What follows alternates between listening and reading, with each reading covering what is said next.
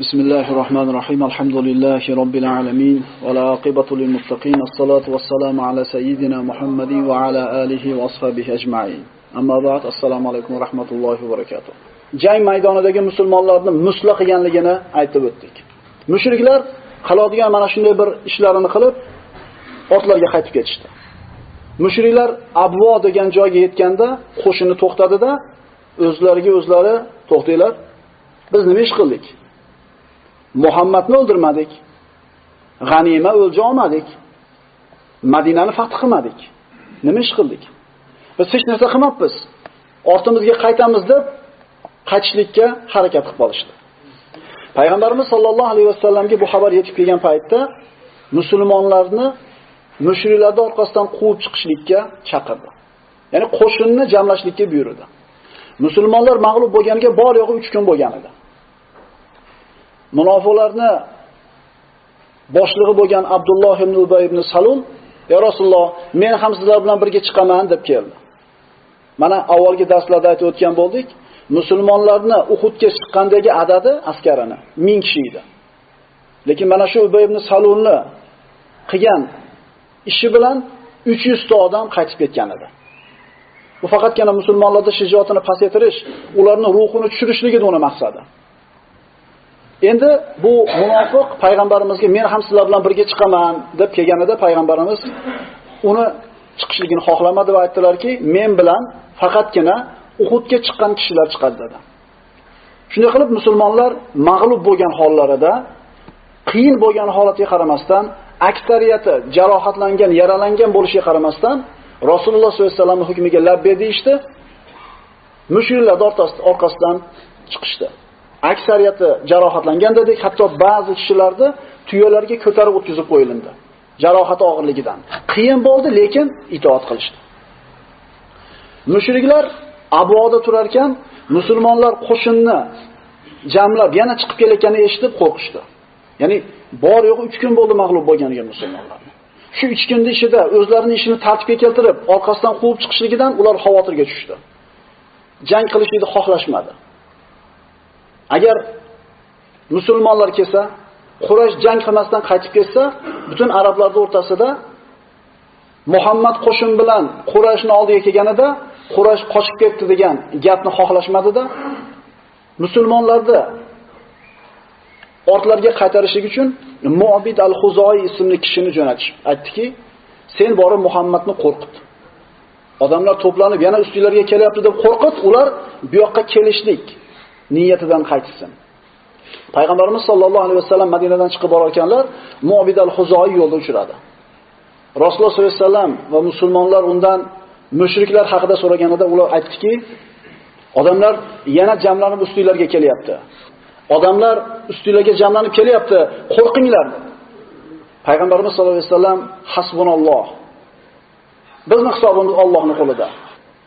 Ya'ni davom etinglar aytdi dedi. Musulmonlar Hamroul Asad degan joyga borib kutib turishdi. Ya'ni Mobidal Xuzoina gapi agar to'g'ri bo'ladigan bo'lsa, mushriklar qaytib kelishligi kerak edi. Lekin mushriklar qaytib kelishmadi. Ular Makkaga qarab ketishdi. Musulmonlar Hamroul Asadda 3 kun ularni kutib turishdi. Lekin hech kim kelmadi va butun arablar Muhammad alayhisalom ularning ortidan qo'shin bilan borganligi va Quraysh qo'rqib qaytib ketganligini eshitgunicha turishdi, so'ngra qaytishdi. 50 ta kamonchi payg'ambarimizning hukmiga xilof ish qildi, g'alaba mag'lubiyatga aylandi. Mana endi mag'lub bo'lib turgan musulmonlar qiyin bo'lsa ham, og'ir bo'lsa ham Rasulullohning so'ziga itoat qilib chiqishda Alloh taolo mag'lubiyatini g'alabaga aylantirib berdi. Alloh taolo Qur'oni Karimda Oli Imron surasida 139-oyatdan 175-oyatigacha Uhud g'azotiga ta'liqlarni tushirdi. Astagfirullah ولا تهنوا ولا تحزنوا va la tahzanu كنتم مؤمنين a'laun يمسسكم قرح فقد مس القوم قرح مثله. Suslashmangiz. va Uhud jangidagi mag'lubiyat sababli g'amgin bo'lmangiz. Agar haqiqiy iymon egalari bo'lsangizlar, sizlar ustun bo'lguvchidirsizlar. Agar bugun Uhudda sizlarga jarohat yetgan bo'lsa, Badr jangida u qavmga ham xuddi shunday jarohat yetgan. Ya'ni musulmonlar Uhudda 70 tasi shahid bo'lgan bo'lsa, Uhuddan avvalgi Badr g'azotida mushriklardan 70 tasi qatl bo'lgan edi, 70 tasi asir tushgan edi. Endi nima uchun bu mag'lubiyat bo'ldi? Wa tilkal ayyamu nudawiluha baynan nas wa liya'lam Allohu alladhina amanu wa yattakhidha minkum shuhada vallohu la yuhibbuz zolimin. Nima uchun bu mag'lubiyat bo'ldi? Toki ibrat bo'lsin deb va Alloh haqiqiy iymon keltirgan kishilarni bilishi hamda oralaringdan shahidlarni saralab olishi uchun bu kunlarni, ya'ni g'alaba va mag'lubiyatni odamlar orasida aylantirib turamiz. Demak, rostgo'ylarni kazzoblaridan, haqiqiy iymonlilarni munofiqlardan ajratishlik uchun Alloh taolo g'alabani u tomonga yo bu tomonga almashtirib turadi. Agar doim g'alaba bo'laversa, ajratib bo'lmaydi. Val yumahhisallohu allazina amanu va yamhaqal kafirin. أم حسبتم أن تدخلوا الجنة ولما يعلم الله الذين جاهدوا منكم ويعلم الصابرين وتاكي Alloh iymon keltirgan zotlarni gunohlardan poklash va kofirlarni halok qilish uchun bu kunlarni o'rtalarda aylantirib turadi. Ey mu'minlar, yoki Alloh sizlarning ichingizdan kim haq yo'lda kurashganu, kim sabr toqat qilganini mutlaqo bilmay turib, jannatga kiramiz deb o'yladinglarmi? Biz sizlarni g'alaba bilan mag'lubiyat bilan sinamasdan turib, jannatga kirib ketamiz deb o'yladinglarmi? Walaqad kuntum tamannawna al-mauta min qabl an talqawhu faqad ra'aytumuhu wa antum. O'limga ro'baro bo'lishingizdan ilgari uni orzu qilgan edingiz. Ya'ni ana shu Uhuddagi mag'lubiyat bo'lgunga qadar shahidlikni hammalar xohlagan edinglar. Mana endi ko'rib turibsizlar. Mana endi Uhudda uni o'z ko'zingiz bilan ko'rib turibsiz. Endi quyida Mus'ab ibn Umayr roziyallohu anhu qo'lidagi bayroqni mushriklar chopib tushirgan paytda, ikkala qo'li chopilgan paytda aytgan so'zini Alloh taolo Qur'onda oyat qilib nozil qildi. Mus'ab ibn Umayr nima degan edi? Qo'li chopilganda "Va ma Muhammadun illa rasul" degan edi. Muhammad kim? Bitta payg'ambar degan edi. Chunki qo'li chopilishligidan avval Rasululloh chuqurga tushib ketganida shayton Muhammad o'ldirildi deb qichqirgan edi. Shunda Muhammad alayhisalom o'ldi deb o'yladida Musab, o'lgan bo'lsa nima bo'pti? U ham bitta payg'ambar. Undan avval ham payg'ambarlar o'tgan degan edi. Mana shu so'zini Alloh taolo Qur'onda oyat qilib nozil qildi. Va ma Muhammadun illa rasul qad khalat min qablihi rusul afa immata aw qutilan qalabtum ala aqabikum ومن ينقلب على عقبيه فلن يضر الله شيئا وسيجزي الله الشاكرين Muhammad faqat bir payg'ambar xolos. Undan ilgari ham payg'ambarlar o'tgandir. Bas agar u vafot qilsa yoki o'ldirilsa, ketingizga, ya'ni kufrga qaytib ketasizlarmi? Kimda kim ketiga qaytib ketsa, Allohga biron ziyon yetkaza olmas. Alloh esa shukr qilguvchi bandalarni munosib mukofotlaydi. Muhammad alayhisalom o'lgan bo'lsa, dindan qaytib kelsalar, o'zingizlarga zarar bo'ladi. Har bir jon faqat Allohning izni bilan va aniq belgilab qo'yilgan muddatda o'ladi. Ya'ni rizq yozilgan, qancha umr ko'rishligi Alloh taolaning ilmi azalisida. Kim dunyo savobini istasa, ya'ni o'zi istab kirsa, albatta unga o'sha narsani istaganini berurmiz. Kim oxirat savobini istasa, unga da istagan narsasini berurmiz va shukr qilguvchilarni mukofotlaymiz. Mana endi jangda o'ziga berilgan ta'liqlar. Valaqad sadaqakumullohu va'dahu iz tahussunahum biizni. Alloh o'z va'dasining ustidan chiqdi. Agar sabr qilsanglar, itoatda bo'lsanglar, Alloh taolo bizga 3000 ta yoki 5000 ta farishtani yordamga tushiradi deb payg'ambarimiz va'da bergan edi. Alloh o'zini va'dasi ustidan chiqdi. Sizlar uning izni bilan kofirlarni qira boshladingiz. Jangni avvalida g'olib bo'ldinglar. To sutkashlik qilib payg'ambarning amri farmonlari borasida talashib tortishgan va Alloh sizlar yaxshi ko'rgan narsani, ya'ni g'alabani ko'zingizga ko'rsatib qo'ygandan keyin payg'ambarning amridan bosh tortgan paytingizgacha bu ustunligingiz davom etdi. Orangizda dunyo istagan kishilar ham, oxirat istagan kishilar ham bordir. Sahobalardan biri aytadi: Shu oyatlar tushishlikdan avval Rasululloh bilan birga g'azotga chiqqanlarni hammasini oxiratda istab chiqdi derdim men deydi. Endi oramizda dunyo o'lja deb chiqqanlar ham bor ekan. Mana shu oyat nozil bo'lganda keyin bildik dedi. Ya'ni insonlarning qalbidagi narsani Alloh taolo mana shu oyatlar bilan kashf qildi. Summa sarafakum anhum liyabtaliyakum va laqad afa ankum wallohu zul fadlin alal mu'minin. So'ngra sizlarni imtihon qilish uchun ularning ustidan g'alaba qilish o'rniga mag'lubiyat tomonga burib yubordi. Endi gunohlaringizni avf qildi. Alloh iymon egalariga fazli marhamat sohibi bo'lgan zotdir. Mana shu payg'ambarimiz sollallohu alayhi vasallam chuqurga tushib ketganida Muhammad o'ldi deb shayton qichqirganida musulmonlarning ba'zilari qochib ketgan edi. Hatto qochib Madinaga yetib borishgan edi. Ana shu qochganlar ichida Usmon roziyallohu anhu ham bor edi. Ahli fitna Usmon roziyallohu anhuga ayblarni qo'yib, sen Uhud kunida Rasulullohni tashlab qochib ketganlardansan deb malomat qilishganida Usmon roziyallohu anhu aytadi, Alloh biz haqimizda, ya'ni Uhud kuni qochib ketganlar haqida valoqada afa ankum Alloh sizlarni avf qildi degan oyat tushirgan. Alloh bizni avf qilgan deb javob berdi. Ey mu'minlar, hech kimga boqmay, jang maydonidan chiqib ketgan paytingizni eslang. Holbuki payg'ambar ortingizda sizlarni chorlamoqda edi. Bas sizlar ketgan narsa va sizlarga yetgan narsaga xafa g'amgin bo'lmasligingiz uchun Alloh sizlarga g'am ustiga g'am berdi. Alloh qilayotgan amallaringizdan xabardordir. Sirat ilmi Qur'onni juda katta qismini tushunishligimizga yo'l ochadi.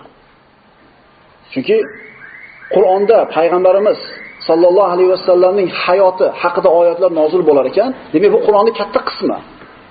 Siratni o'rganishlik bilan Qur'onning katta qismini tushunamiz. So'ngra bu g'amning ketidan sizlarga bir orom uyqusini tushirdi. U sizlardan bo'lgan bir toifa kishilarni qamrab oldi. Boshqa bir toifa, ya'ni munofiqlar esa Alloh haqida noto'g'ri, dinsizlarcha badgumon qilib, o'z jonlarining g'amiga tushib qoldilar.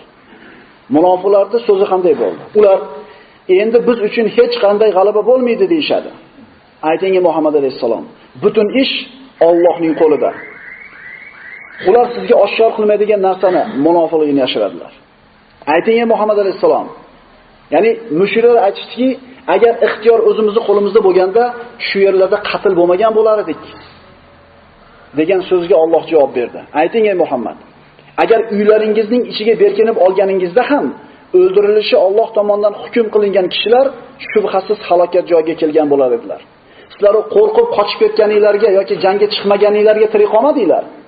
Alloh taolo sizlarga o'limni yozmagan uchun tirik qoldinglar. Agar o'lishlik peshonaliga yozilgan bo'lganida, uylarga kirib berkin olganinglarda ham qatl qilingan bo'lardilar. فبما رحمة من الله لنت لهم ولو كنت فظا غليظ القلب فلانفضوا من حولك mana payg'ambarimiz sollallohu alayhi vasallamga osiy bo'lib payg'ambarimizni tashlab ketishdi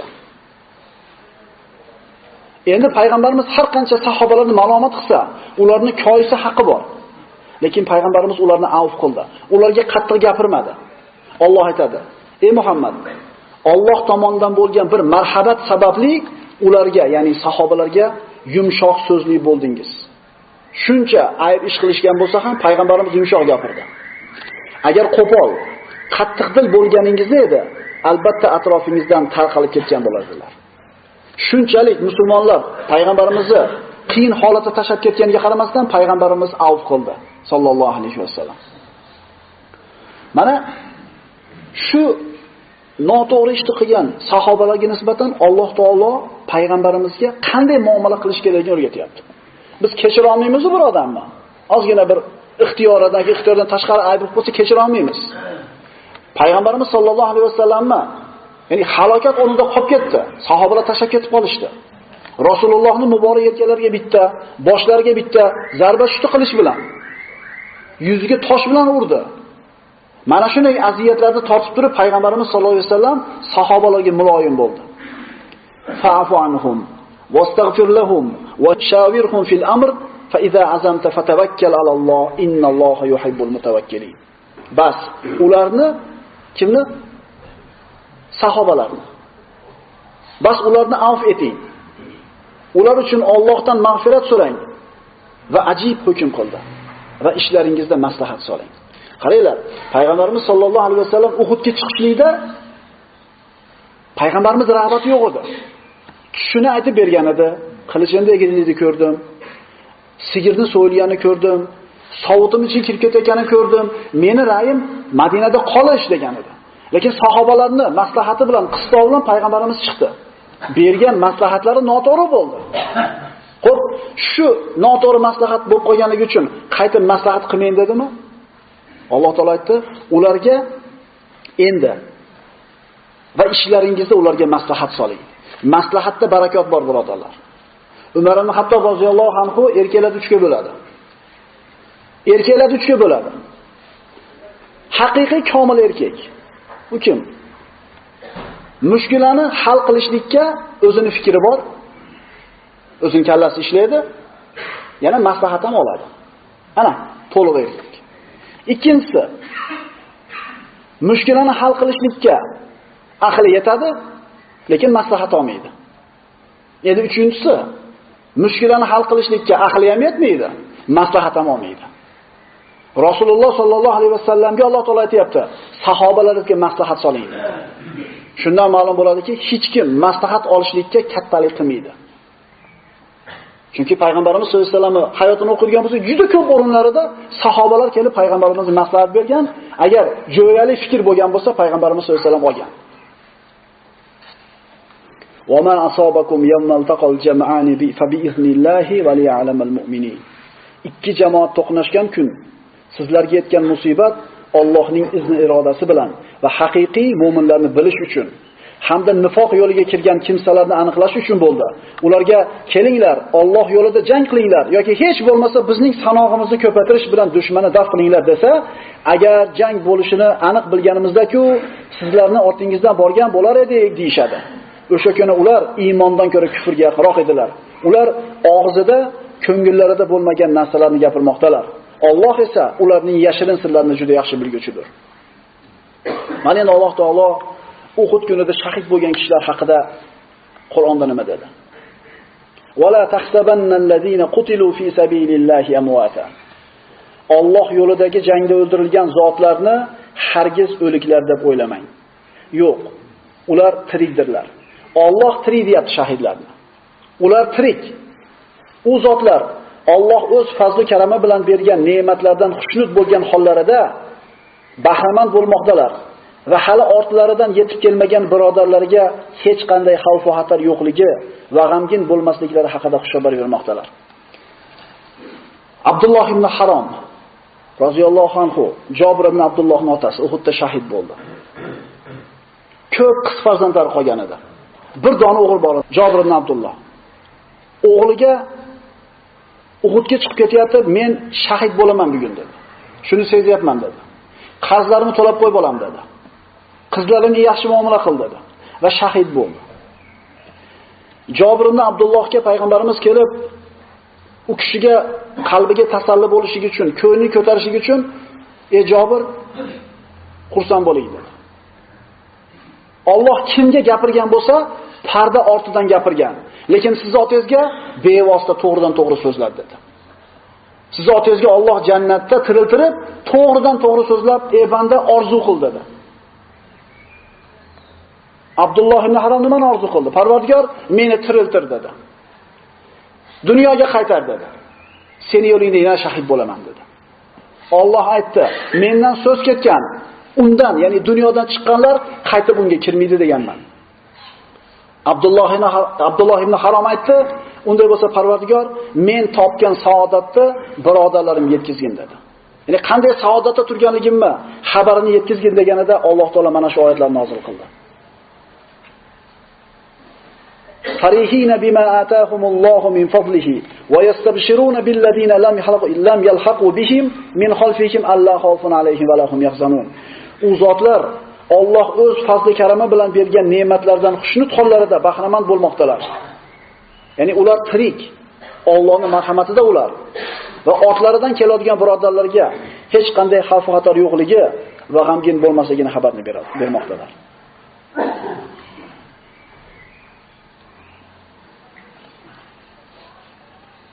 nihoyat taliqning nihoyasi 175-oyat innama zalikumush shaytonu yukhawwifu awliya'a fala takhafuhum wa khafun in kuntum mu'minin albatta o'sha sizlarni vasvasaga solmoqchi bo'lgan shaytonning o'zidir U sizni u sizlarni o'zining do'stlaridan, ya'ni kofirlardan qo'rqitmoqchi bo'ladilar.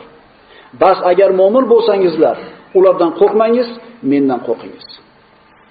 139-dan 175 bo'lgan Oli Imronning oyatlari Uhud g'azoti haqida nozil bo'ldi. Uhud g'azoti nihoyasiga yetdi. Bir oy o'tishi bilan Banu Asad qabilasi Madinaga hujum qilishga harakat qilib qoldi. Chunki atrofdagi qabilalar musulmonlar Uhudda mag'lub bo'lishdi, ular zaif, ularga hujum qilishga qulay fursat deb harakatga kelib qolgan edi. Ana shulardan Banu Asad qabilasi. Ularni Tulayha ibn Huvalid al-Usri boshchiligida boshligida Banu Asad qabilasi hujumga tayyorgarlik ko'rdi. Bu kishi Tulayha ibn Huvaylid keyinchalik payg'ambarlikda da'vo qilib chiqdi. Murtadlarga qarshi bo'lgan jangda Xolid ibn Valid uni yengib mag'lub qildi. Payg'ambarimiz sollallohu alayhi vasallam ana shu Banu Asad qabilasiga Abu Salama roziyallohu anhu boshligida 150 kishilik otliq qo'shin tayyorladi. Ular to'satdan ularga hujum qildi, ularni bu niyatidan qaytardi. Ulardan o'ljalarni olib Madinaga qaytib kelishdi. Shuningdek, Makka ga yaqin bo'lgan joydagi Xuzayl qabilasi ham Madinaga hujum qilishlikka odam to'playotganligi xabari keldi. Xolid ibn Sufyon al-Xuzali Payg'ambarimiz sollallohu alayhi vasallam bu xatarni avvalada yo'q qilishni xohladi. Sahobalarning ichidan Abdulloh ibn Unays ismli kishini tanlab oldi. Bu kishi nihoyatda aqlli, ziyrak, hushyor va quvvatli kishi edi. Abdulloh ibn Unaysni chaqirdida siz menga borib Xolid ibn Sufyon Huzlini agar fursat topsangiz, imkon topsangiz qatl qilib keling dedi. Ya Rasululloh, men Xolid ibn Sufyonni tanimayman. Qanday uni bilib olaman kimligini deganida, uni ko'rgan paytingizda qalbingizga qo'rquv to'ladi dedi. Abdulloh ibn Unays roziyallohu anhu subhanalloh dedi. Men hech qachon odamdan qo'rqan emasman dedi. Lekin Rasulullohning shu so'ziga ishondim, chiqib ketdim dedi. Makkaga yaqin bo'lgan joydagi mana Huzayl yerlar. Madinadan Makkagacha piyoda keldi. Qo'lida hech qanday qurol yo'q, faqatgina bir xanjarini yashirib olgan edi o'zi bilan. Endi bir odam yolg'iz sahroda ketayotgan bo'lsa, hech kim undan xavotir olmaydi, hech kim unga bir parvo ham qilmaydi. Xullas, ana shu Huzayl yerlarga yetib keldi. Do'ndan ko'tarilib pastga qaraganida ikkita ayol bilan bir kishi bir chodirda o'tirganini ko'rdi. Ko'rdida qalbiga qo'rquv kirdi. Ha, mana shu kishi Xolid ibn Sufyon ekan dedida sekin yurib bordi. Abdulloh ibn Unays aytadi. Xolidni ko'rib, ustiga yurib ketayotgan paytimda asr vaqti kelib qoldi deydi. Agar to'xtab namozni o'qiydigan bo'lsam, u odam mendan qochib ketishi yoki men topolmay qolishim mumkin dedi. Shuning uchun yurib ketayotib asr namozini o'qidim deydi. Abdulloh ibn Unays Xolid ibn Sufyonning oldiga keldi. Xolid kimsan deb so'radi. Abdulloh ibn Unays nohata bir xushyor, ziyrak odam edi. Men G'uzo odamman dedi. Xuzoa qabilasini hamma arablar Xuzoa deb atashar edi. Xuzoaliklar o'zlarini G'uzoa g bilan aytishar edi. Abdulloh ibn Unays hozir agar men Xuzoadanman deb x bilan aytib qo'ysa, yolg'onchiligi ma'lum bo'lib qolardi. Ya'ni ayting bu kishini ziyrak bo'lganda, men G'uzoadanman dedi. Muhammadga qarshi qo'shin to'playapsan ekan. Senga yordam bergani keldim dedi. U ha, mayli dedi. Oldida qoldim, yonimda hech qanday qurolim yo'qligidan xotirjam bo'ldi. Ozgina suhbatlashib, xotirjam bo'lib qolganda, ayollar chiqib ketgandan xanjarimni oldim, bir necha zarbalarni berdim. Halok bo'lganligini bilgandan keyin shoshilib chiqib ketdim deydi. Ayollar qaytib kelsa, Xolid ibn Sufyon mayit holda yotibdi. Dod solib u yoqqa yurishdi, bu yoqqa yurishdi. Abdulloh ibn Unays qochib ketgan edi. Hamda bu Huzayliklar bizni yerimizga kelib bizni sayyidimizni sayyidimizni qatl qilib ketibdimi? Demak biz Madinaga kuchimiz yetmaydi ekan dedi-da, Madinaga hujum qilishidan fikridan qaytishdi. Abdulloh ibn Unays roziyallohu anhu Madinaga kirib kelayotib, Rasulullohni ko'rib tabassum qildi. Payg'ambarimiz Aflahavashga Abdulloh ibn Unays deganida Aflahavashga ya Rasululloh qataltu, qatl qildim dedi. Bitta kishining qilgan harakati bilan butun boshli qabilani Madinaga hujum qilishiga oldi olindi. Bu sariya bir dona odam qatnashgan bo'lsa ham Abdulloh ibn Unays sariyasi deb nomlanadi.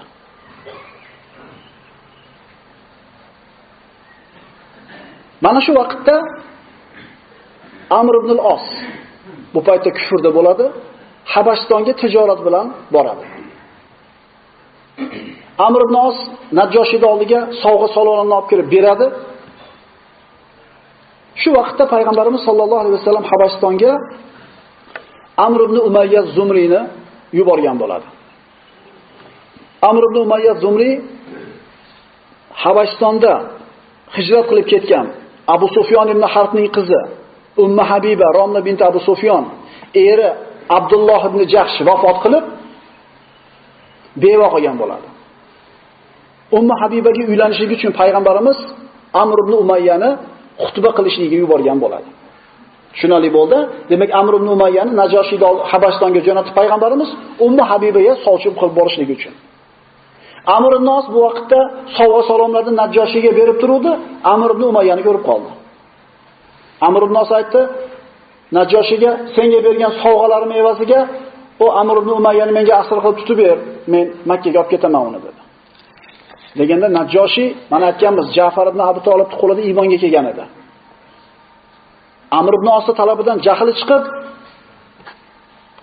avvallari Nomusul akbar, ya'ni Jibril farishtasi Musa alayhissalom oldiga kelar edi. Endi bu farishta Muhammadning oldiga kelyapti. Muhammadni elchisini tutib ber deysanmi menga dedi.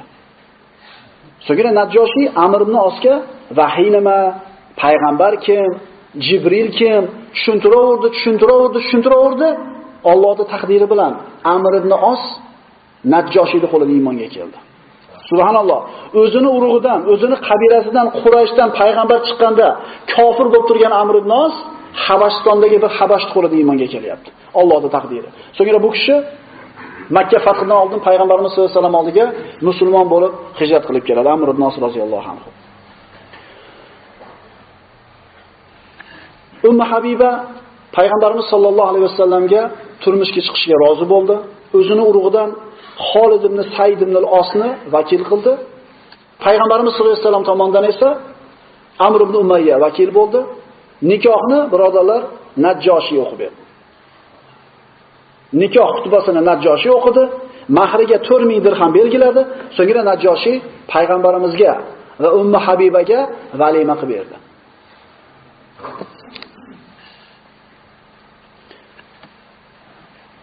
Ummu Habiba Ubaydulloh ibn Jahshga turmushga chiqqan edi. U kishi vafot qilgan deyiladi. Yana ba'zi rivoyatlarda nasroniy diniga o'tib ketgan deyilgan. Vallohu a'lam. Mana shu muddatda Uhud bilan Handaq o'rtasida bo'lgan voqealardan yana biri Rasululloh sollallohu alayhi vasallam Zaynab binti Jahshga uylandi. Zaynab binti Jahsh Zayd ibn Xorisani ayoli edi. Zayd ibn Xorisa payg'ambarimizni asrandi o'g'li edi. Darsni avvalida aytib o'tganmiz. Zayd ibn Xorisa yosh yigitlik paytida Hadicha onamiz payg'ambarimizga Zaydni hadiya qilgan edi. Zaydning otasi istab bolasini qul bo'lib sotilib ketganini eshitib, Xorisa payg'ambarimizdan sotib olmoqchi bo'lganida payg'ambarimiz sotmayman degan edi. Zaydga ixtiyor beramiz, agar sizlar bilan ketishni xolasa, shunday ketaveradi, agar men bilan qolishni xolasa, qolaveradi degan edi. Shunda Zayd ibn Xorisa qul bo'lib payg'ambarimizning qo'lida qolishni ixtiyor qilgan edi. Otasi, "Ey bola, esingni yo'q, qul bo'lib qolasanmi?" deganida, "Allohga qasam, Allohga qasam, Muhammad menga qilgan muomalasini ota-onam ham qila olmaydi" deb javob bergan edi. Payg'ambarimizga bo'lgan muhabbatini ko'rib, payg'ambarimiz Zaydni ozod qilgan edi. Hamda butun Qurayshga Zayd mening o'g'lim, mendan keyin meni merosxo'rim bo'ladi degan edi. Demak, tabanni meni o'g'lim deb e'lon qilgan edi. Zayd ibn Xorisa Zaynab binti Jahsh bilan yashashni xohlardi, lekin Zaynab xohlamas edi. Zayd Zaynabning javobini bergandan keyin payg'ambarimiz Zaynab binti Jahshga uylandi. Ya'ni o'zi tabanni meni o'g'lim deb qo'ygan asranda o'g'lini ayolga uylandi. Va bu narsa shariatda meni o'g'lim deb qo'yishligi haqiqiy o'g'liga aylanib qolmasligiga dalil bo'lishi uchun Alloh taolo Qur'onda oyatlarni nozil Falamma qozo zaydun minha vatara zavvajnakaha لكي لا يكون على المؤمنين حرج في أزواج أدعيائهم إذا قضى منهن وطرا وكان أمر الله مفعولا Demak, inson boqib olsa bir bolani, hech qachon u boqqan bolasi o'zini sulbidan, o'zini ayolidan bo'lgan bola qatorida bo'lmaydi. Oyatga quloq solamiz. Bas qachonki Zayd undan, ya'ni Zaynabdan hojatini ado qilgach, ya'ni uni taloq qilgach, biz ey Muhammad alayhisalom sizni Zaynabga unga uylantirdik.